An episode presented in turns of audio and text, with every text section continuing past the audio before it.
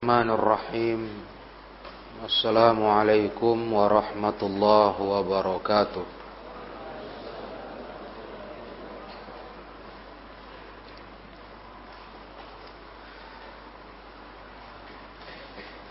إن الحمد لله نحمده ونستعينه ونستغفره ونعوذ بالله من شرور أنفسنا ومن سيئات أعمالنا من يهده الله فلا مضل له ومن يضلل فلا هادي له أشهد أن لا إله إلا الله وحده لا شريك له وأشهد أن محمدا عبده ورسوله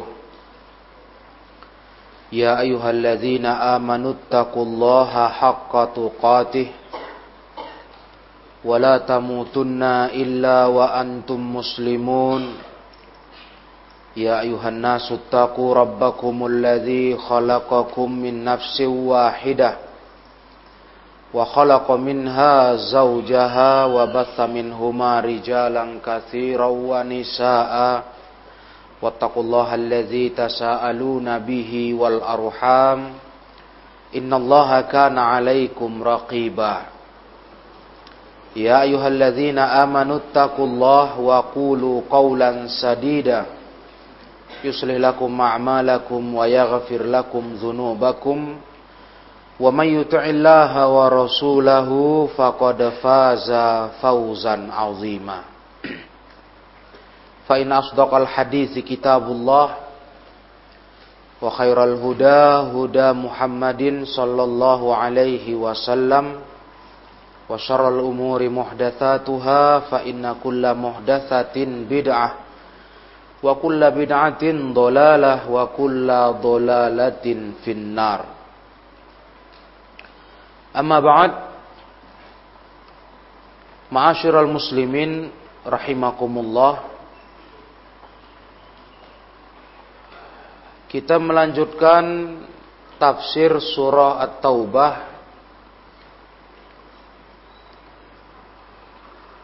Terakhir kita bicara tentang masalah Nabi Ibrahim alaihissalam yang dulunya memang pernah mendoakan orang tuanya memintakan ampunan kepada Allah. Sedangkan orang tuanya kafir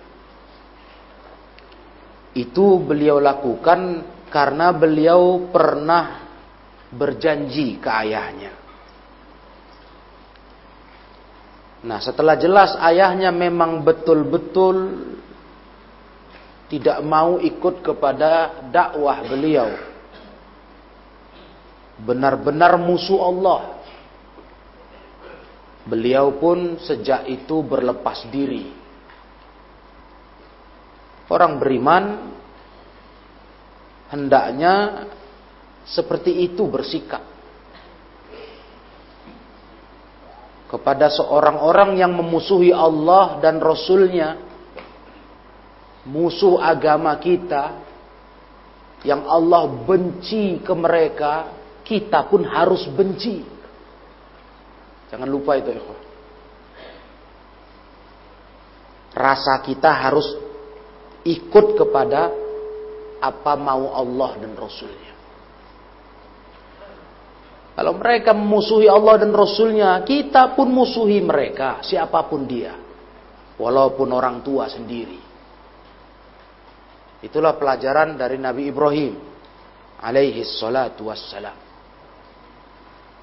Loyalitas ya. Jangan lupa. Loyalitas kita hanya kepada orang yang cinta kepada Allah dan Rasulnya saja. Kepada orang-orang yang memusuhi Allah dan Rasulnya, kita tak punya loyalitas sama sekali. Tak punya cinta ke mereka sama sekali. Yang ada barok. Tidak ada royal, yang ada barok berlepas diri dari musuh-musuh Allah dan Rasulnya, musuh agama kita. Nah kemudian Kita lanjutkan ayat 115 Allah taala berfirman ma kana Allahu liyudilla qauman ba'da idh hadahum hatta yubayyana lahum ma yattaqun innallaha bikulli syai'in alim innallaha lahu mulku samawati wal ard yuhyi wa yumit wa ma lakum min dunillahi min waliyyin wala nasir. Itu dua ayat, 115 sampai 116. Yang artinya Allah tidaklah sekali-kali menyesatkan kaum setelah Allah beri mereka petunjuk. Itu Tak akan pernah Allah buat itu. Setelah dijelaskan kepada mereka apa-apa yang harus mereka jauhi. Berarti sudah sampai ilmu. Itu Allah nggak akan menyesatkan mereka setelah mereka diberi petunjuk, diberi keterangan ilmu. Sesungguhnya Allah terhadap segala sesuatu Allah Maha mengetahui. Itu ayat 115. Di ayat 116 Allah mengatakan sesungguhnya Allah Ta'ala memiliki kekuasaan langit dan bumi. Lahu mulku samawati wal ard. Allah lah yang menghidupkan dan mematikan. Urusan hidup mati itu di tangan Allah. Yuhyi wa yumit. Wa malakum min dunillahi min wala nasir dan tidak ada pelindung dan penolong bagi kalian selain hanya Allah taala. Asy-Syaikh As-Sa'di dalam tafsir beliau beliau terangkan makna dari ayat ini. Kata beliau, yakni anna Allah taala idza manna ala qaumin bil hidayah wa amarahum bisulukis siratil mustaqim fa innahu ta'ala yutammimu alaihim ihsana Sesungguhnya Allah Ta'ala kalau sudah mengkaruniakan kepada satu kaum hidayahnya dan ketika Allah perintah mereka menempuh jalan yang lurus maka Allah menyempurnakan kebaikan untuk kaum itu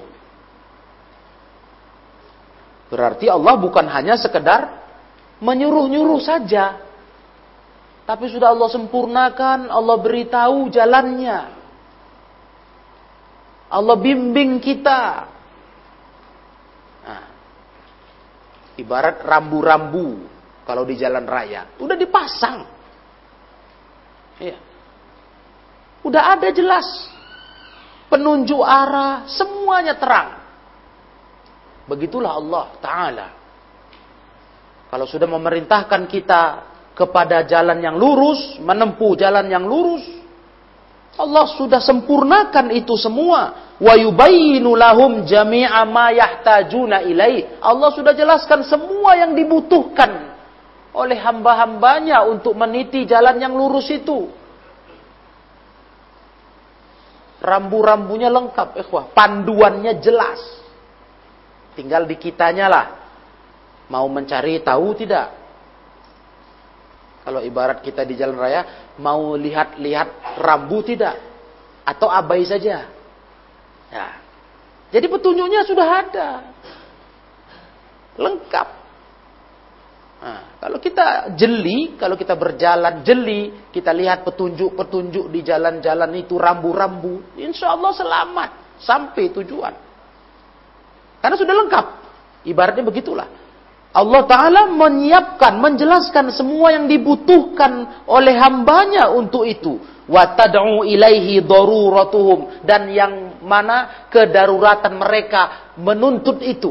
Untuk tahu, ya sudah Allah berikan Itulah salah satunya nikmat terbesar yang Allah berikan kepada kita. Diutusnya Rasulnya diturunkan Quran.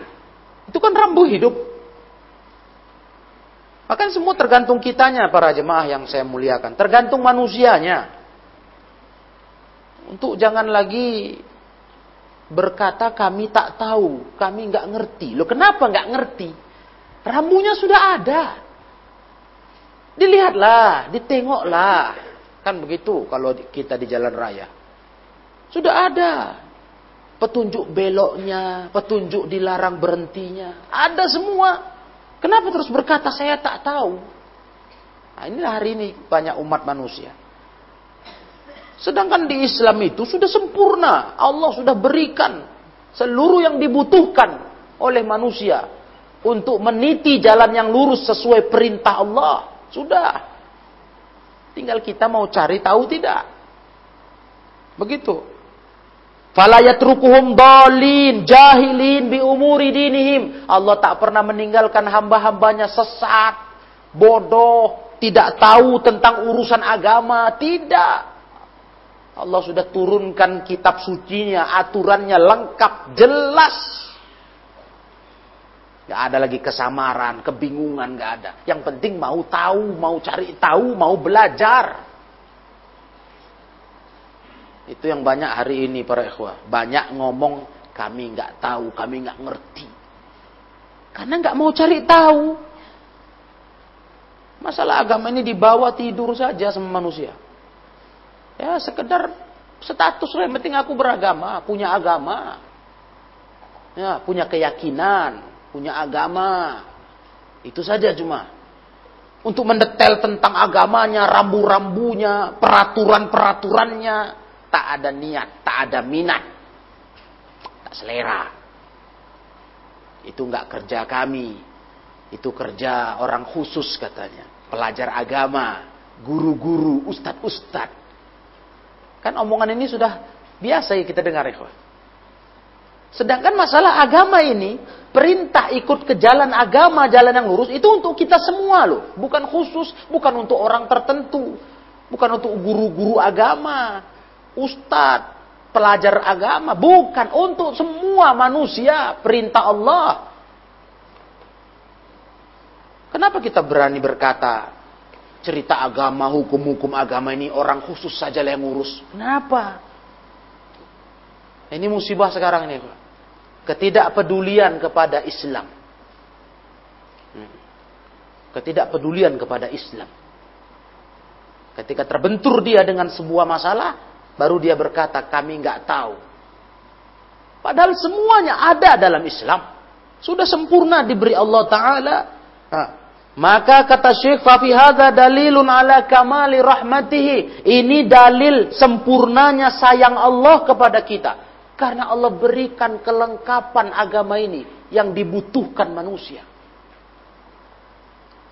Islam yang benar nih, ikhwah, yang yang murni itu nggak susah mempelajarinya, menggalinya, mengikutnya. Karena sangat terang benderang. Bayangkan kata sahabat, Nabi tinggalkan kami di atas hujah yang terang benderang, malam sama siangnya sama. Lailuha wa naharuha sawa. Saking terangnya Islam ini. Enggak rumit-rumit. Makanya kalau ada yang bilang menjadi Islam muslim yang bermutu, berkelas, itu uh, susah itu karena pendalamannya harus ada metode khusus. Ah, ini sudah jelas paham nggak beres ini. Nah, paham nggak betul. Ada pula lagi dalam sebuah apa namanya kajian itu komunitas ada rumusan-rumusan rahasia untuk sampai tahap tertentu orang yang bisa mengenalnya. Ah, ini sudah aneh. Ciri-ciri sesat itu ajarannya. Kenapa? Islam ini nggak ada. Islam ini semua orang bisa cerna, semua orang berhak tahu. Gak ada kelas-kelas khusus, majelis khusus. Itu udah gak beres. Gaya Syiah itu kalau kau tahu. Syiah kan rahasia kali. Di luar kelompoknya tak bisa tahu ajarannya, susah. Yang murni asli ya, rujukan-rujukannya pun sangat tertutup. Sedangkan ahlu sunnah nggak ada kenal itu. Dia transparan kali. Ajarannya jelas, sejelas matahari di siang bolong.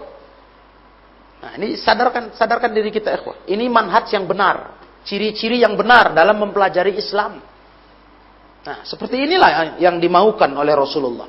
Agamanya ini tersebar ke semua masyarakat, semua kaum muslimin tahu.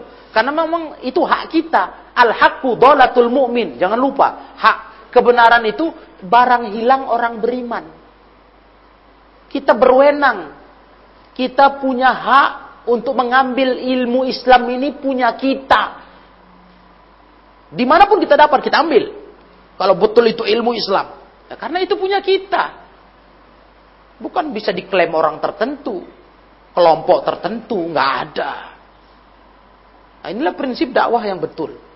Wa anna syari'atahu wafiyatun bi jami'i ma yahtajuhul ibad fi usuluddin wa furu'i. Syariat Allah itu mencukupi semua yang dibutuhkan hamba dalam perkara pokok agama maupun cabangnya. Lengkap.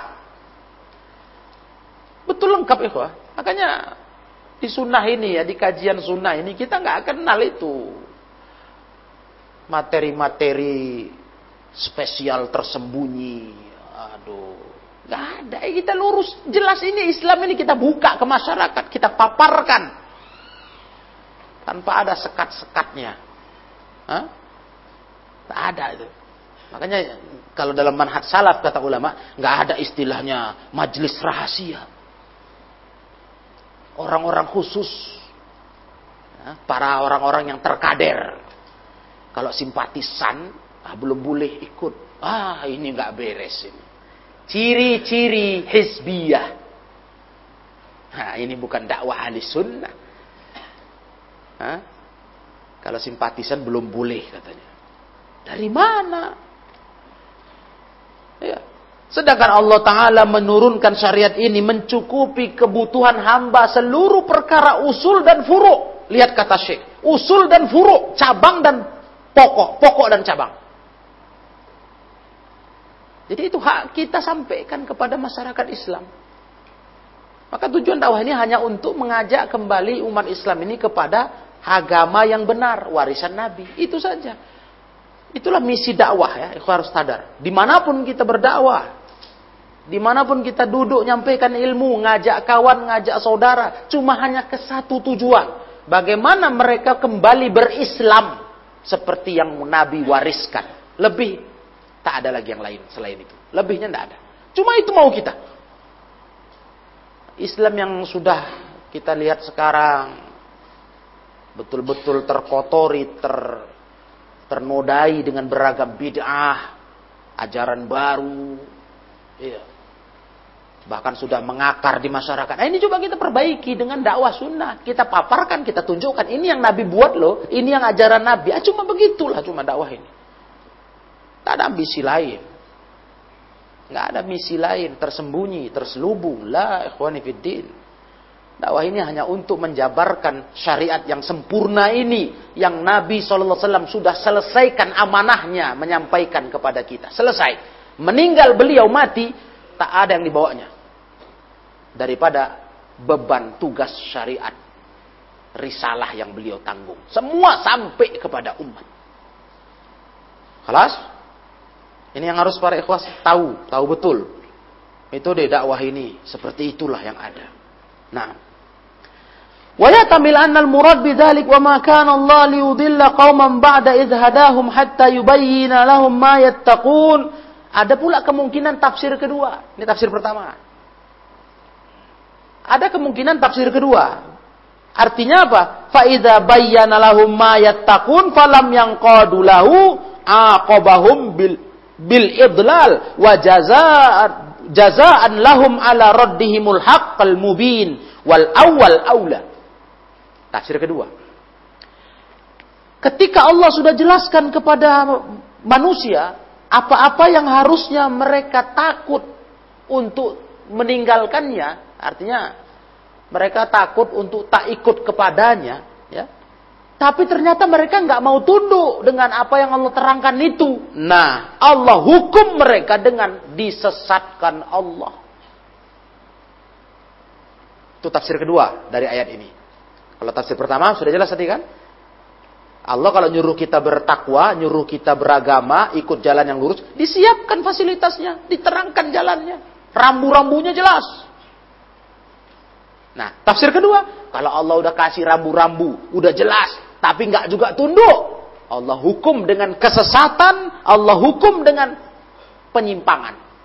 Sebagai balasan atas mereka yang menolak kebenaran yang nyata. Itu kalau saya ingat di ayat pernah Allah bilang apa? Wa may yushakkikir rasula min ba'di ma tabayyana lahul huda wa yattabi' ghayra sabilil mu'minina nuwallihi ma tawalla. Nah, ini dia.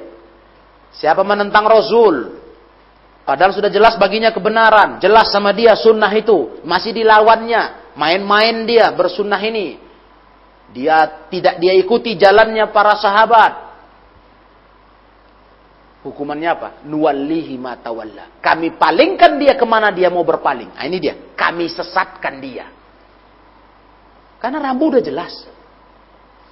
Ibarat kita di jalan raya udah jelas rambu dilarang, dilarang belok. Belok. Kalau kecelakaan salah siapa? Hah? Kan udah dibilang. Dikasih tanda. Ini ada rambu. Tandanya jembatan. Biasanya itu kan jembatan itu menandakan jalan menyempit. Nah, dibalap aja. Nah, gimana? Udah dikasih tanda nih jembatan, ada rambu. Mesti udah waspada kita.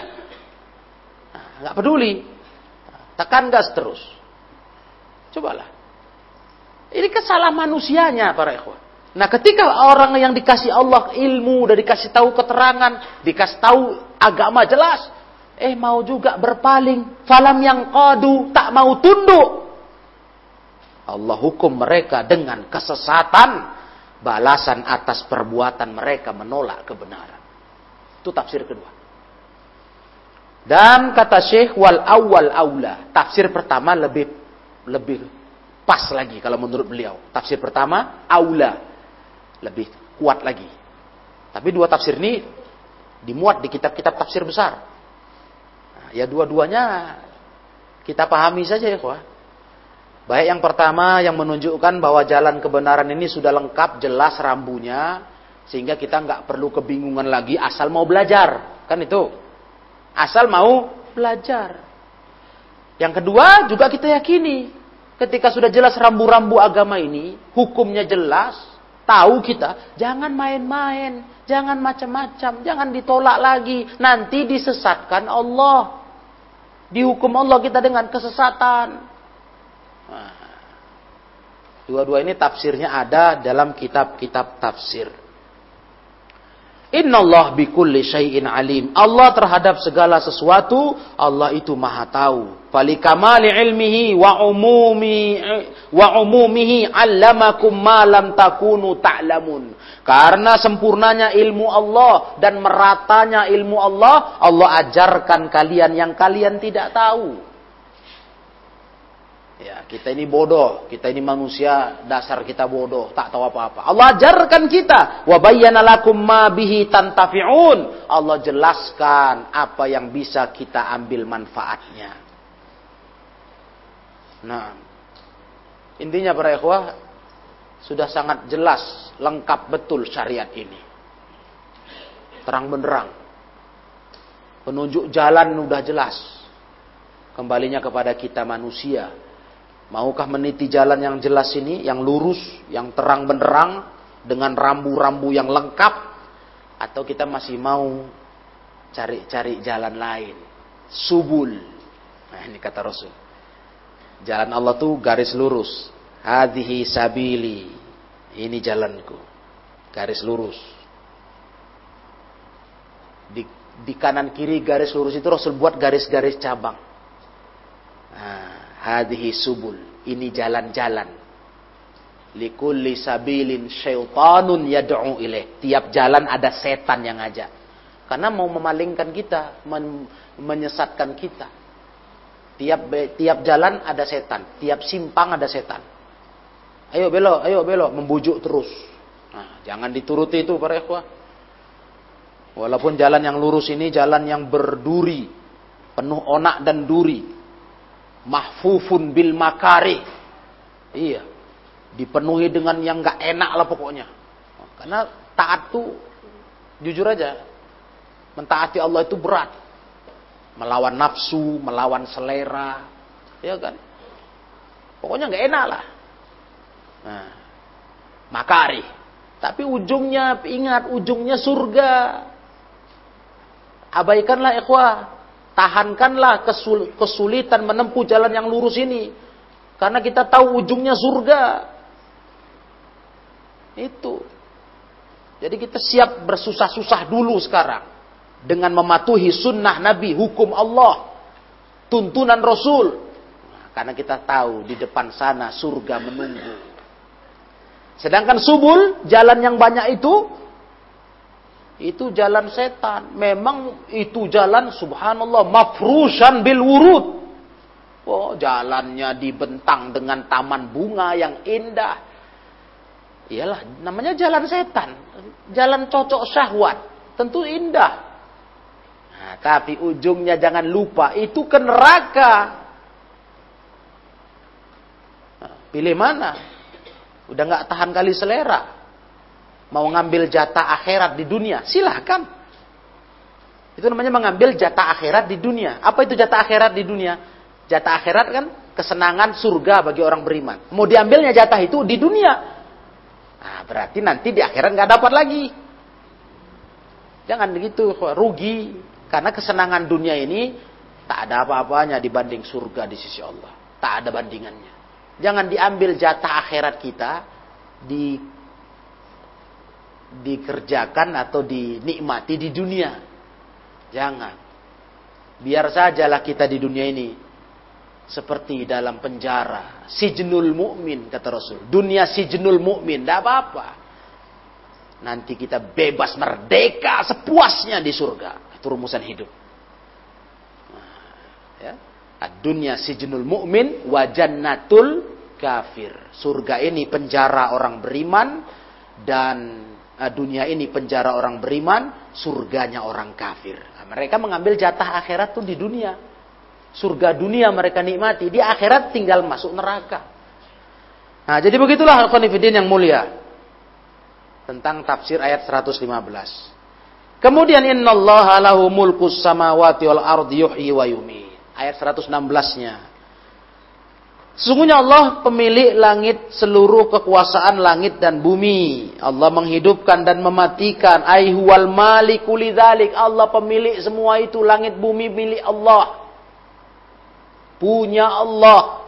Al-mudabbir li'ibadihi bil ihya wal imatati wa anwa'it tadabiril ilahiyah. Allah yang mengatur hamba-hambanya dalam urusan menghidupkan, mematikan dan semua pengaturan Allah kita semua di bawah pengaturan Allah ini. Gak ada yang lepas dari pengaturan Allah hidup ini.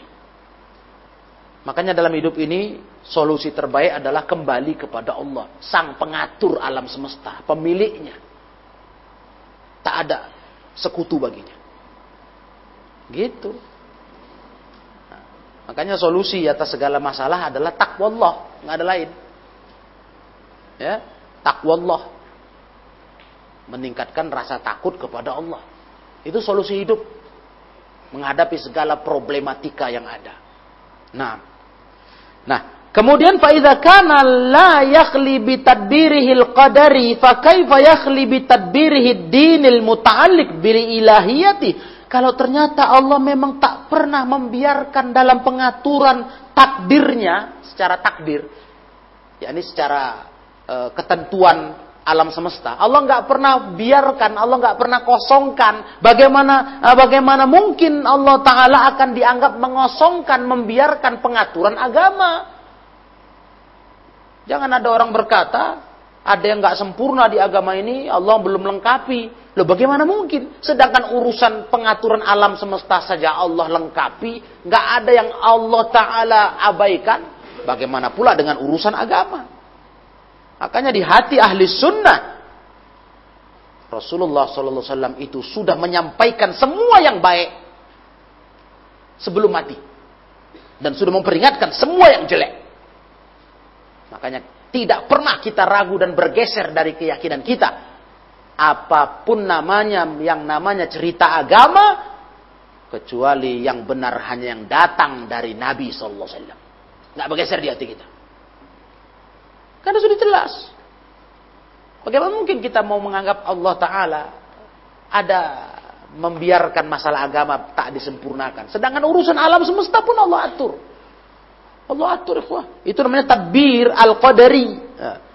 Bagaimana mungkin Allah mau, dianggap membiarkan menyia-nyiakan pengaturan agama wa yatruku ibadahu sudah muhmalin dibiarkannya hambanya sia-sia saja di, diabaikan seakan-akan kan begitu.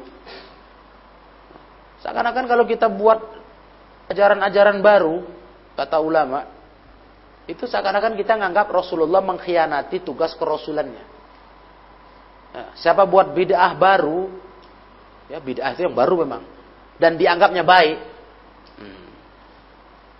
itu sama dengan dia sudah menganggap Rasulullah mengkhianati kerasulannya. Itu satu dan nanti ujungnya kita akan menuduh Allah Kalaupun Rasul dikatakan, oh dia nggak khianat, udah tuntas memang, cuma memang, memang ada masih tersisa. Ah, kita berarti sudah menuduh Allah ada menyia-nyiakan urusan hidup hamba dalam agama. Dan ini kekafiran, bahaya.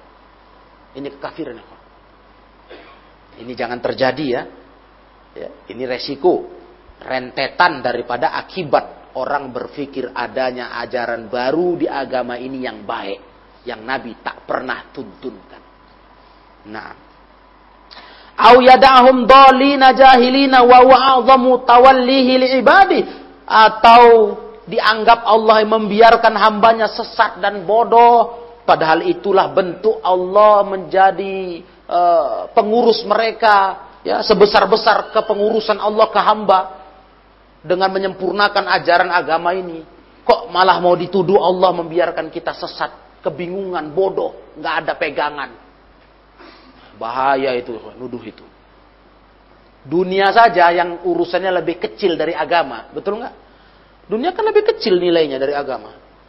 Itu aja Allah urus dengan sempurna.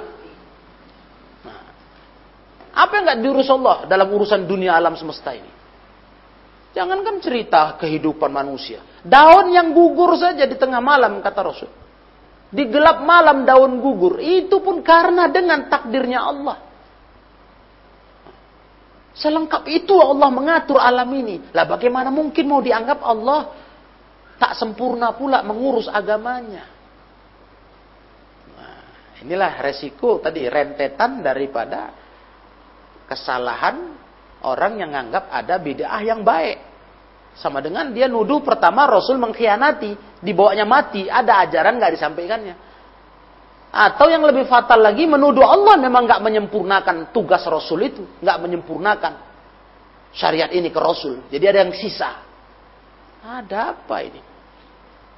Tuduhan yang sangat keji kepada Rabbul Alamin Allah tabaraka wa taala pemilik pengatur segenap alam walihada qala maka Allah berkata wa ma lakum min dunillah mi wali wala nasir dan tidak ada bagi kalian selain Allah itu wali dan penolong ai waliyun yatawallakum bijalbil manafi'i lakum tidak ada wali wali yang menolong kalian untuk menarik manfaat kecuali hanya Allah jalbil manafi, menarik manfaat.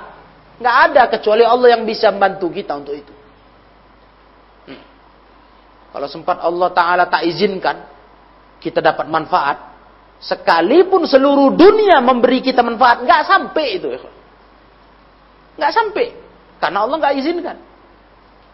Kebalikannya, ikhwanifiddin. Ya, kalau sudah Allah menghalangi kita tak mengizinkan kita disakiti, walau sedunia menyakiti kita, nggak kena. Itu dia. Au nasir nggak ada selain Allah pula penolong bagi kalian. Ya defa'u angkumul madar yang bisa menolak madarat dari kalian.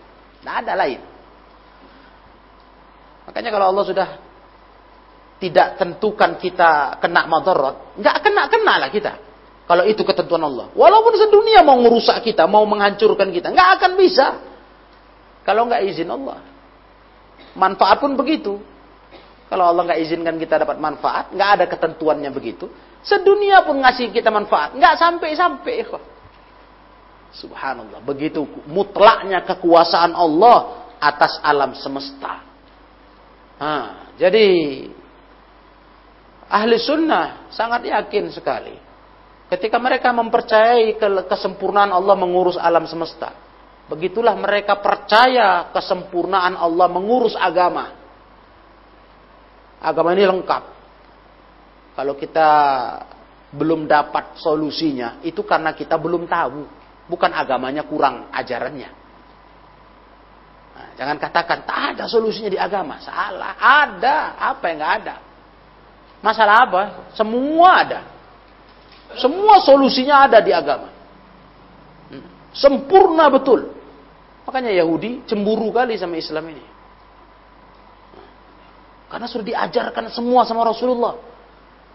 Oh, jadi merasa cemburu mereka. Agama ini istimewa kali. Turun pula surah Al-Ma'idah bilang agama ini sempurna. Waduh. Al-yauma akmaltu lakum dinakum. Oh, mereka betul-betul iri. Dengki. Bisa Islam ini dijamin Allah sempurna agamanya. Wa atmamtu lakum dinakum. Alaikum dinakum. Bagaimana? Sempurna. Akmaltu lakum dinakum. Wa atmamtu alaikum nikmati. Sempurna. Kan cemburu kali Yahudi itu dalam riwayat itu. Sampai mereka juga yang berkata kepada sahabat. Betulnya itu. Alamakum rasulukum. Kulla syai' Betulnya Rasulullah Nabi kalian itu ngajarin kalian segala sesuatu. Itu betul heran mereka. Katanya diajarkan segala sesuatu lengkap. Betulnya itu? Hmm, kata sahabat, iya. Hatal khoro'ah. Eh? Sampai urusan buang kotoran. Iya. Betul. Saking lengkapnya agama ini diajarkan oleh Rasulullah. Tuntunannya oleh Allah syariatnya. Walaupun urusan buang kotoran. Buang sampah perut. Ada, ada ajarannya. Diajarkan bagaimana etikanya. Jangan ngadap kiblat. Jangan membelakangi kiblat. Kalau cebok tangan kiri pakai batu, tiga batu atau pakai air, lengkap. Ah, apa nggak geleng kepala Yahudi ini? Dengki betul nengok Islam. Tiba di umat Islamnya, masya Allah. Malah bukannya bangga dengan ajaran yang lengkap ini. Marah rame-rame buat yang baru-baru. Gimana ya? Rame-rame buat ajaran baru dengan dalih ini kan baik. Bukan malah bangga. Agama kami agama sempurna. Kami tak butuh tambahan dan pengurangan. Tak butuh perombaan-perombaan. Banggalah harusnya. Dengan bertahan di atas kemurnian sunnah. Lah ini malah rame-rame melestarikan acara-acara bid'ah yang dikarang-karang oleh akal manusia. Nauzubillah min dzalik. Nah, para jemaah rahimakumullah, itu ayat 15 dan 16. Berikutnya ayat 17 sampai 18. Allah berfirman, "Laqad taballahu 'alan nabiyyi wal muhajirin wal ansar alladzina ittaba'uhu fi sa'atil 'usrati min ba'di ma kada yazighu qulubu fariqin minhum, thumma taba 'alaihim innahu bihim raufur rahim." Itu ayat 117. Sungguh Allah telah menerima tobat Nabi, tobat orang-orang muhajirin dan orang-orang ansor. Orang-orang yang ikut dengan Nabi pada masa-masa sulit. Yang setia dengan Nabi di masa-masa sulit. Ya. Setelah uh, setelah mimba di maka dayazigu qulubu minhum. Setelah hati segolongan mereka hampir berpaling hampir sesat. Ya. Agak tergoda begitu hati mereka, sempat mau berpaling. Sumata ba'alain. Terus Allah terima tobatnya. Nah, Allah terima tobat mereka. Innahu bihim raufur rahim. Allah terhadap mereka sungguh sangat penyayang, sungguh sangat pengasih. Nah, coba kita lihat ikhwah tafsir dari ayat ini.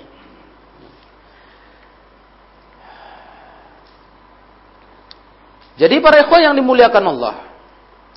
Di ayat 117 ini Rasulullah Shallallahu Alaihi Wasallam ya, dikabarkan oleh Allah annahu min lutfihi wa ihsani taba ala nabi Muhammad sallallahu.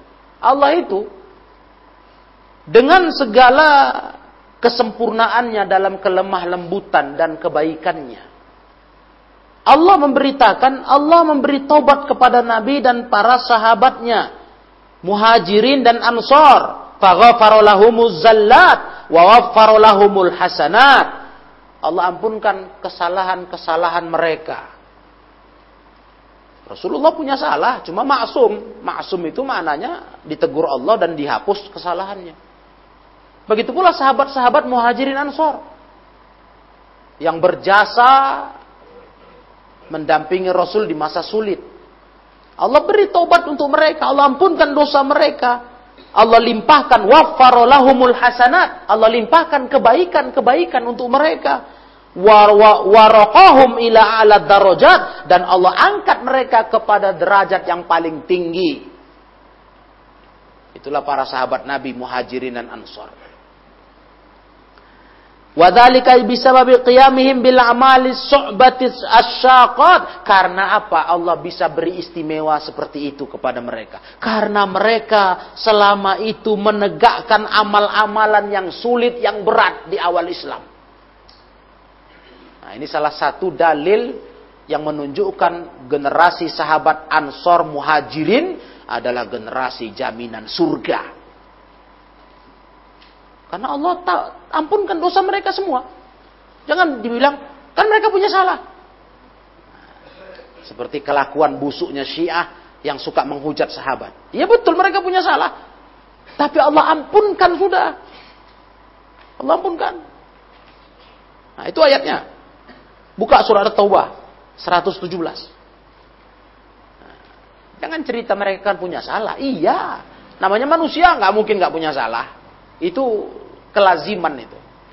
Tapi Allah yang berkata Allah beri taubat ke mereka. Nah, karena? Dipandang Allah mereka bersih kukuh, sabar waktu mengamalkan amalan-amalan berat yang sulit. Itu yang yang Allah katakan walihadza qala alladzina tabauhu fi sa'atil usra yang ikut kepada Rasul, mendampingi Rasul di masa-masa sulit. Setia terus sama Nabi. Dampingin Nabi terus. Nah ini jasa mereka ini dipandang Allah. Makanya sahabat di hadapan ahli sunnah semua sahabat itu adil. As-sahabatu kulluhum udul. Bukan maknanya sahabat nggak ada salah. Ya bersalah lah namanya manusia. Tapi jangan kita sibuk dengan kesalahan mereka. Itu kesalahan sudah diampunkan Allah. Mereka itu orang-orang dijamin surga. Nah, kayaknya nggak usah cerita masalah punya salah atau nggak punya salah. Ya memang punya salah. Berapa banyak kasus sahabat punya salah, tapi nggak dipandang itu lagi untuk memojokkan mereka, merendahkan mereka. Karena Allah Taala sudah beri tobat ke mereka. Jasa mereka di Islam ini terlalu besar. Nah, lihat ini ya, di masa sulit itu apa? Ai kharaju ma'ahu liqitalil ada fi waqati Tabuk ketika mereka ikut bersama Rasul perang melawan musuh di kejadian perang Tabuk. Semua kita tahu perang Tabuk itu kan perang yang sulit di tafsir yang lalu kita udah baca. Perang yang sulit. Jarak tempuh jauh, musim panas yang ekstrim, perbekalan pun terbatas. Nah, tapi mereka tetap bersikukuh berangkat sama Nabi. Jasa mereka luar biasa. Wa kanat fi harrin syadid wa dhikin minazadi war rukub. Harinya panas betul, panas teri dan bekal serta kendaraan pun sangat minim. Dhiq zadi war rukub. Bekal alat transportasi kendaraannya, tunggangannya pun minim sekali. Jalan yang ditempuh jauh. Cuaca ekstrim, panas. Wakat roti adu. Musuh yang dihadapi banyak. Masya Allah. Hah, luar biasa. Mimma yad'u ila takhalluf. Yang itu semua bisa mendorong orang untuk tak mau ikut perang. Dan munafikun udah kita baca kan? Ikhwan masih ingat? Di At-Taubah juga. Munafikun, oh, Bekilah-kilah itu, wah. Bekilah-kilah cari alasan biar nggak ikut. Karena ngeri betul bayangan bayangkan safar itu, safar perang Tabuk. Jarak tempuh yang jauh. Cuaca ekstrim panas terik, perbekalan pun minim. Musuh yang dihadapi besar. Masya Allah. Tapi mereka tetap setia mendampingi Rasul, para sahabat muhajirin dan ansar. Makanya Allah terima taubat mereka. Maksudnya kesalahan mereka Allah hapuskan. Allah tak anggap lagi sudah. Nah, itulah para sahabat Nabi, muhajirin dan ansar. Fasta'anullah ta'ala wa qamu bidzalika min ba'di ma kana yazighu qulubu fariqin minhum. Mereka minta tolong kepada Allah menghadapi kondisi perang itu. Mereka tegak tetap menjalankan itu setelah apa para ikhwah hampir-hampir kada, hampir-hampir hati-hati sekelompok mereka menyimpang. Iya, goyang goncangannya mengerikan godaannya. Hampir sebagian kalah, kalah dengan syaitan. Mau mundur. Terpikirlah, ide mau nggak ikut. Karena berat betul itu perang. Udah lewat kita baca. Hmm. Aitang qalibu qulubuhum wa yamilu ila da'ati was sukun. Hampir berbalik hati para sahabat itu dan lebih condong untuk tak ikut berdiam di rumah sajalah. Tenang-tenang aja di rumah. Ngapain ikut Nabi? Berat kali ini, resikonya besar. Bukan hanya resiko jumpa musuh, resiko selamat di jalan aja pun berat. Berat resikonya. Besar.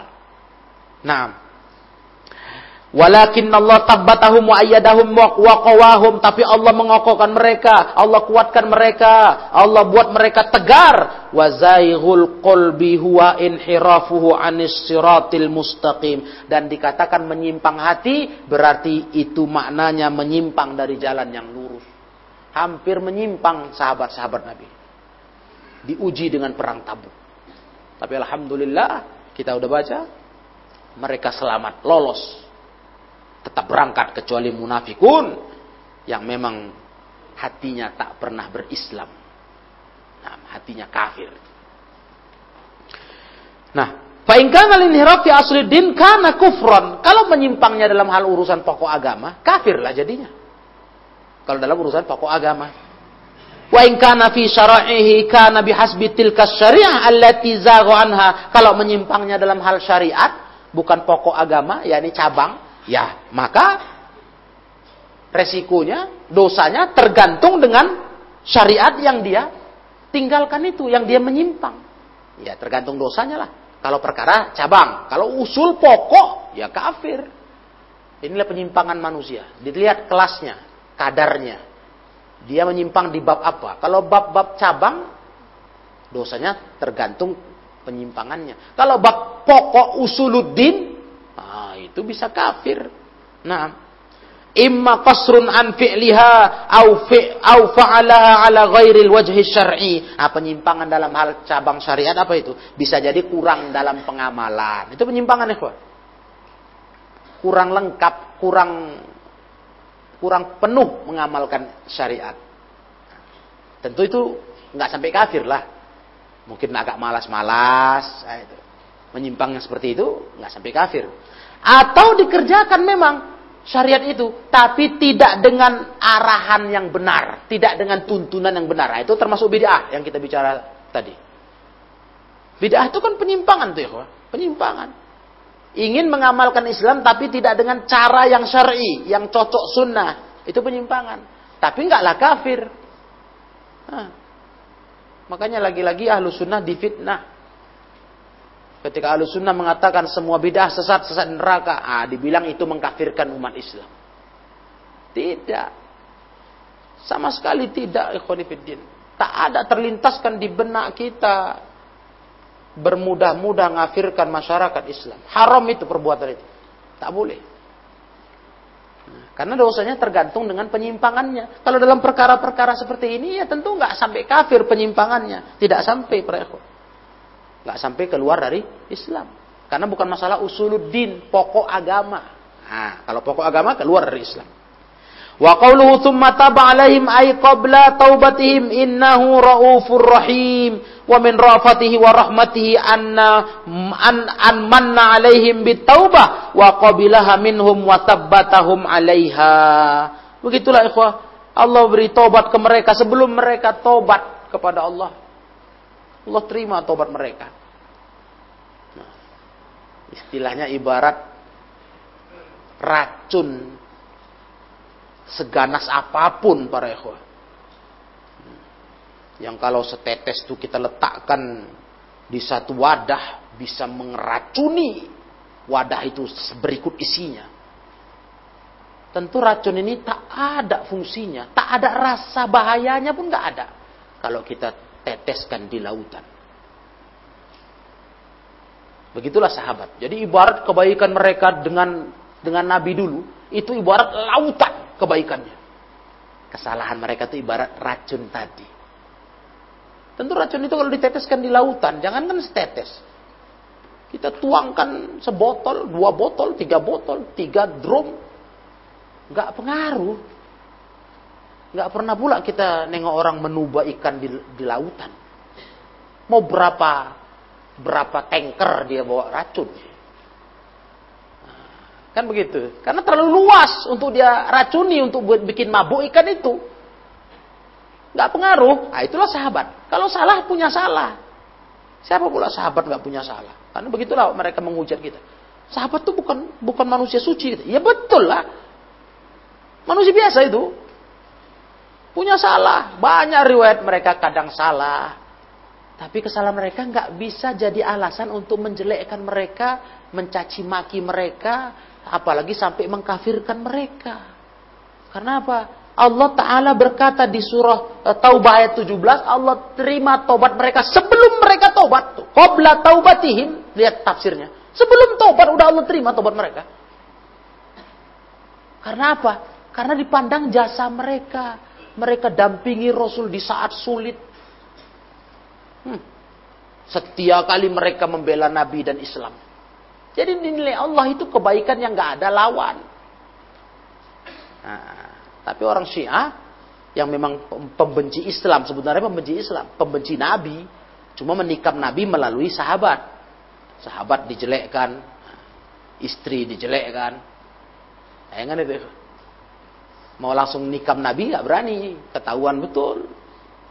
Tapi dengan cara menikam sahabat, kalau sudah Nabi itu sahabatnya orang jelek, bagaimana Nabi itu baik. Nggak mungkin lah ikhwah. Pendamping Nabi, teman setia Nabi, teman seperjuangan Nabi itu orang jelek. Kecuali kalau betul Nabi pun orang jelek. Karena orang jelek itu yang sejodoh, ya kan? Bisa jalan sama.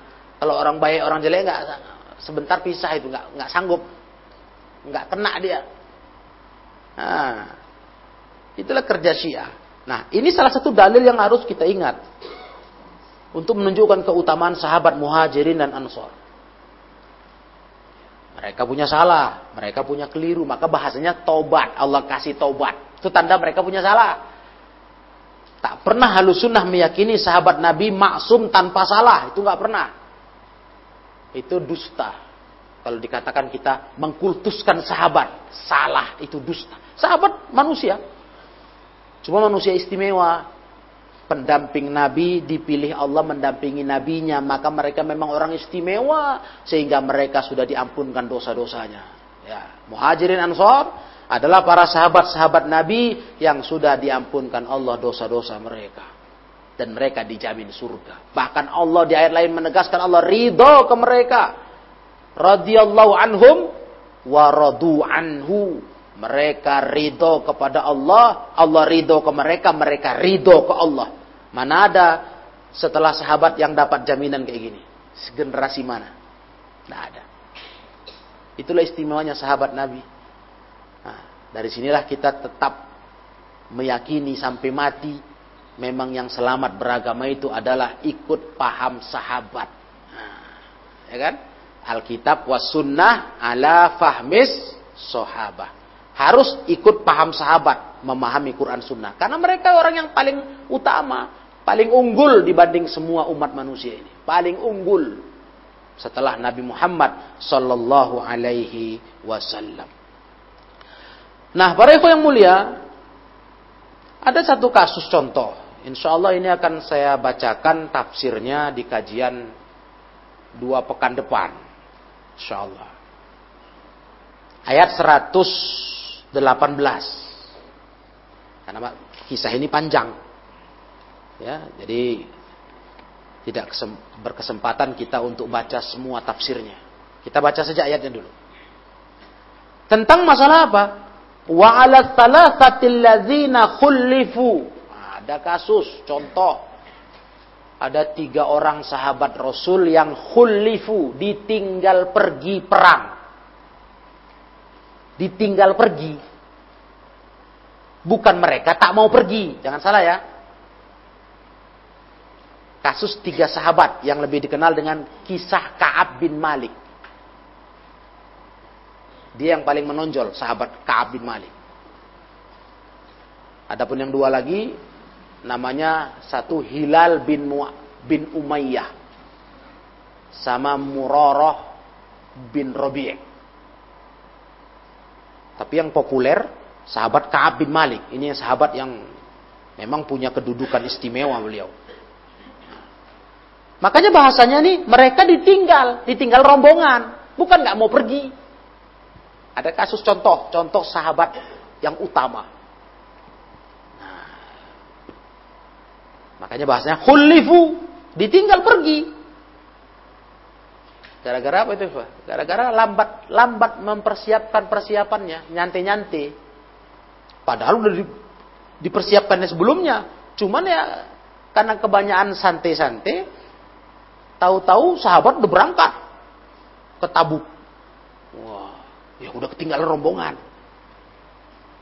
Persiapannya sudah sangat matang. Bahkan kata Kaab, aku belum pernah mempersiapkan diri untuk ikut perang sama Nabi yang lebih serius dibanding perang itu. Yang beliau nggak jadi berangkat. Tertinggal rombongan. Biasanya beliau kalau mau berangkat perang tuh menyiapkan, menyiapkan satu kuda saja. Ini dua. Karena jalannya ekstrim kan, tadi kita tahu jalan yang dituju tuh jauh, panas terik, Cuma kelambatan, ketinggalan rombongan. Nah, nanti di, di, di tafsir kita lebih rinci. Nah, hatta idza daqat alaihimul ardu bima rahubat sampai ter, sampai terasa bumi sempit bagi mereka padahal bumi itu luas. Karena ada pemboikotan nanti ceritanya. Nanti kita baca ya, insya Allah. Ada pemboikotan setelah Nabi pulang. Terasa sempit dunia. Wadaqat alaihim anfusuhum terasa sempit jiwa mereka. Karena didiami oleh sahabat-sahabat Nabi, perintah Nabi begitu. Tunggu Allah turunkan ayat tentang orang-orang ini. Wa dhannu alla minallah illa ilaihi mereka sudah menduga tidak ada tempat lari kecuali kembali kepada Allah. Ngadu ke Allah lah solusinya. Padahal bumi itu luas, tapi jadi terasa sempit melihat pemboikotan para sahabat ke mereka. Tsumma taba alaihim liyatubu. Lihat. Kemudian Allah beri tobat kepada mereka. Allah bukakan pintu tobat supaya mereka mau tobat. Innallaha wa tawwabur rahim. Allah Maha penerima tobat. Nah. Ini sering juga kisah ini, ikhwah. Dipakai orang Syiah untuk memojokkan sahabat. Nah, tuh tengok tuh Ka'ab bin Malik. Kalian bilang semua sahabat bagus. Ah, tengok tuh tingkahnya. Tak ikut dia perang. Bukan tidak mau ikut. Ketinggalan rombongan. Salahnya di mana? Terlalu nyantai. Jadi dia nggak duga. Tahu-tahu dia mau mau ikut rombongan udah pergi. Itu masalahnya ya. Ini termasuk kisah yang jadi sorotan orang Syiah untuk menghujat sahabat. Saking jeleknya mereka itu sampai-sampai diboykot Nabi bukan sebentar loh ya. Berapa lama? 50 hari. Sebulan lebih. Tak dicakapi, tak ditegur, nggak ditirgi kata kita. Ah, itu luar biasa itu. Sampai Allah turunkan tobatnya. Nah, ini contoh. Apa yang kita baca di ayat 117, di ayat 118 ada contoh Allah terima tobat mereka. Karena mereka ini orang yang punya jasa luar biasa. Ka'ab bin Malik, siapa nggak kenal Ka'ab bin Malik? Sejak perang Badar sudah ikut Islam. Hmm. Jasanya luar biasa. Sahabat-sahabat mulia. Nah, cuma ketinggalan rombongan karena tadi terlalu nyantai. Ya, insya Allah ini para ikhwah di kajian yang akan datang akan saya bacakan tafsirnya. Bismillahirrahmanirrahim. ta'ala. Ya, jadi demikianlah para jemaah yang saya muliakan. Kajian kita malam hari ini menambahkan tiga ayat dari 115 sampai 117. Yang 118 belum kita baca tafsirnya. Itu tentang ibroh pelajaran dari kisah kejadian Kaab bin Malik dan dua sahabat lain yang tidak ikut berangkat di perang Tabuk karena ketinggalan rombongan. Nah, Demikianlah kita cukupkan wallahu a'lam bissawab.